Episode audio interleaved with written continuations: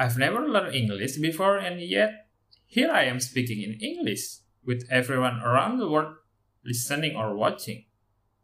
Hello, and welcome to Sweet by D with me, Duta. So, for those who listen this podcast or watching this on YouTube, feel free to comment any comment, even the harsh one, because this is an experiment for me. The truth is, I learned English in school, but it's, it was a basic one. I never learn or practice anymore.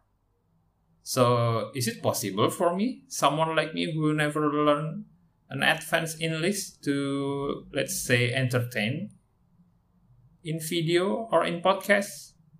That's the experiment for me. And you definitely you are allowed to give me any critique or a harsh comment.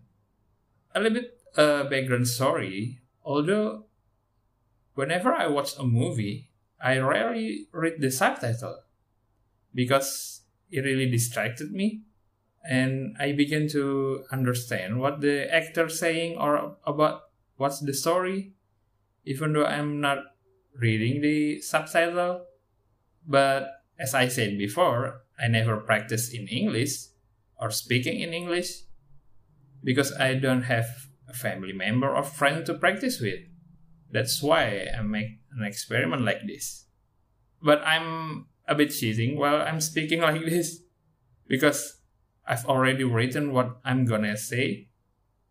As you can see, if you watch this on Instagram TV or on YouTube, you will see some skip video or some transition in between.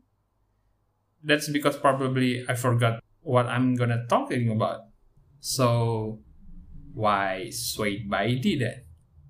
Sweet is an acronym to sub Sawenai Dewe.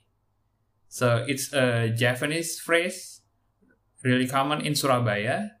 It means do whatever you want to do at your will, something like that. So in this podcast or video, I'm gonna talk whatever I want to talk about.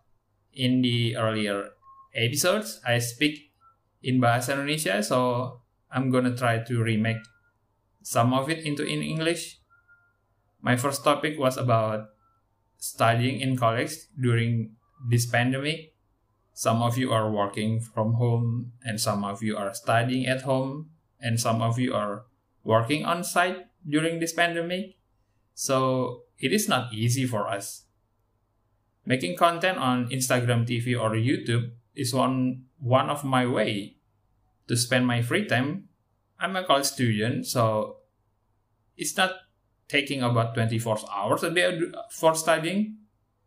And I cannot go outside like I used to do. So making something new like this definitely helped my mind for not going crazy and you too for having something new to learn or to do so we can be a better version of ourselves when this pandemic ends. So that's it for today's episode. And I'll see you on the next one. Bye.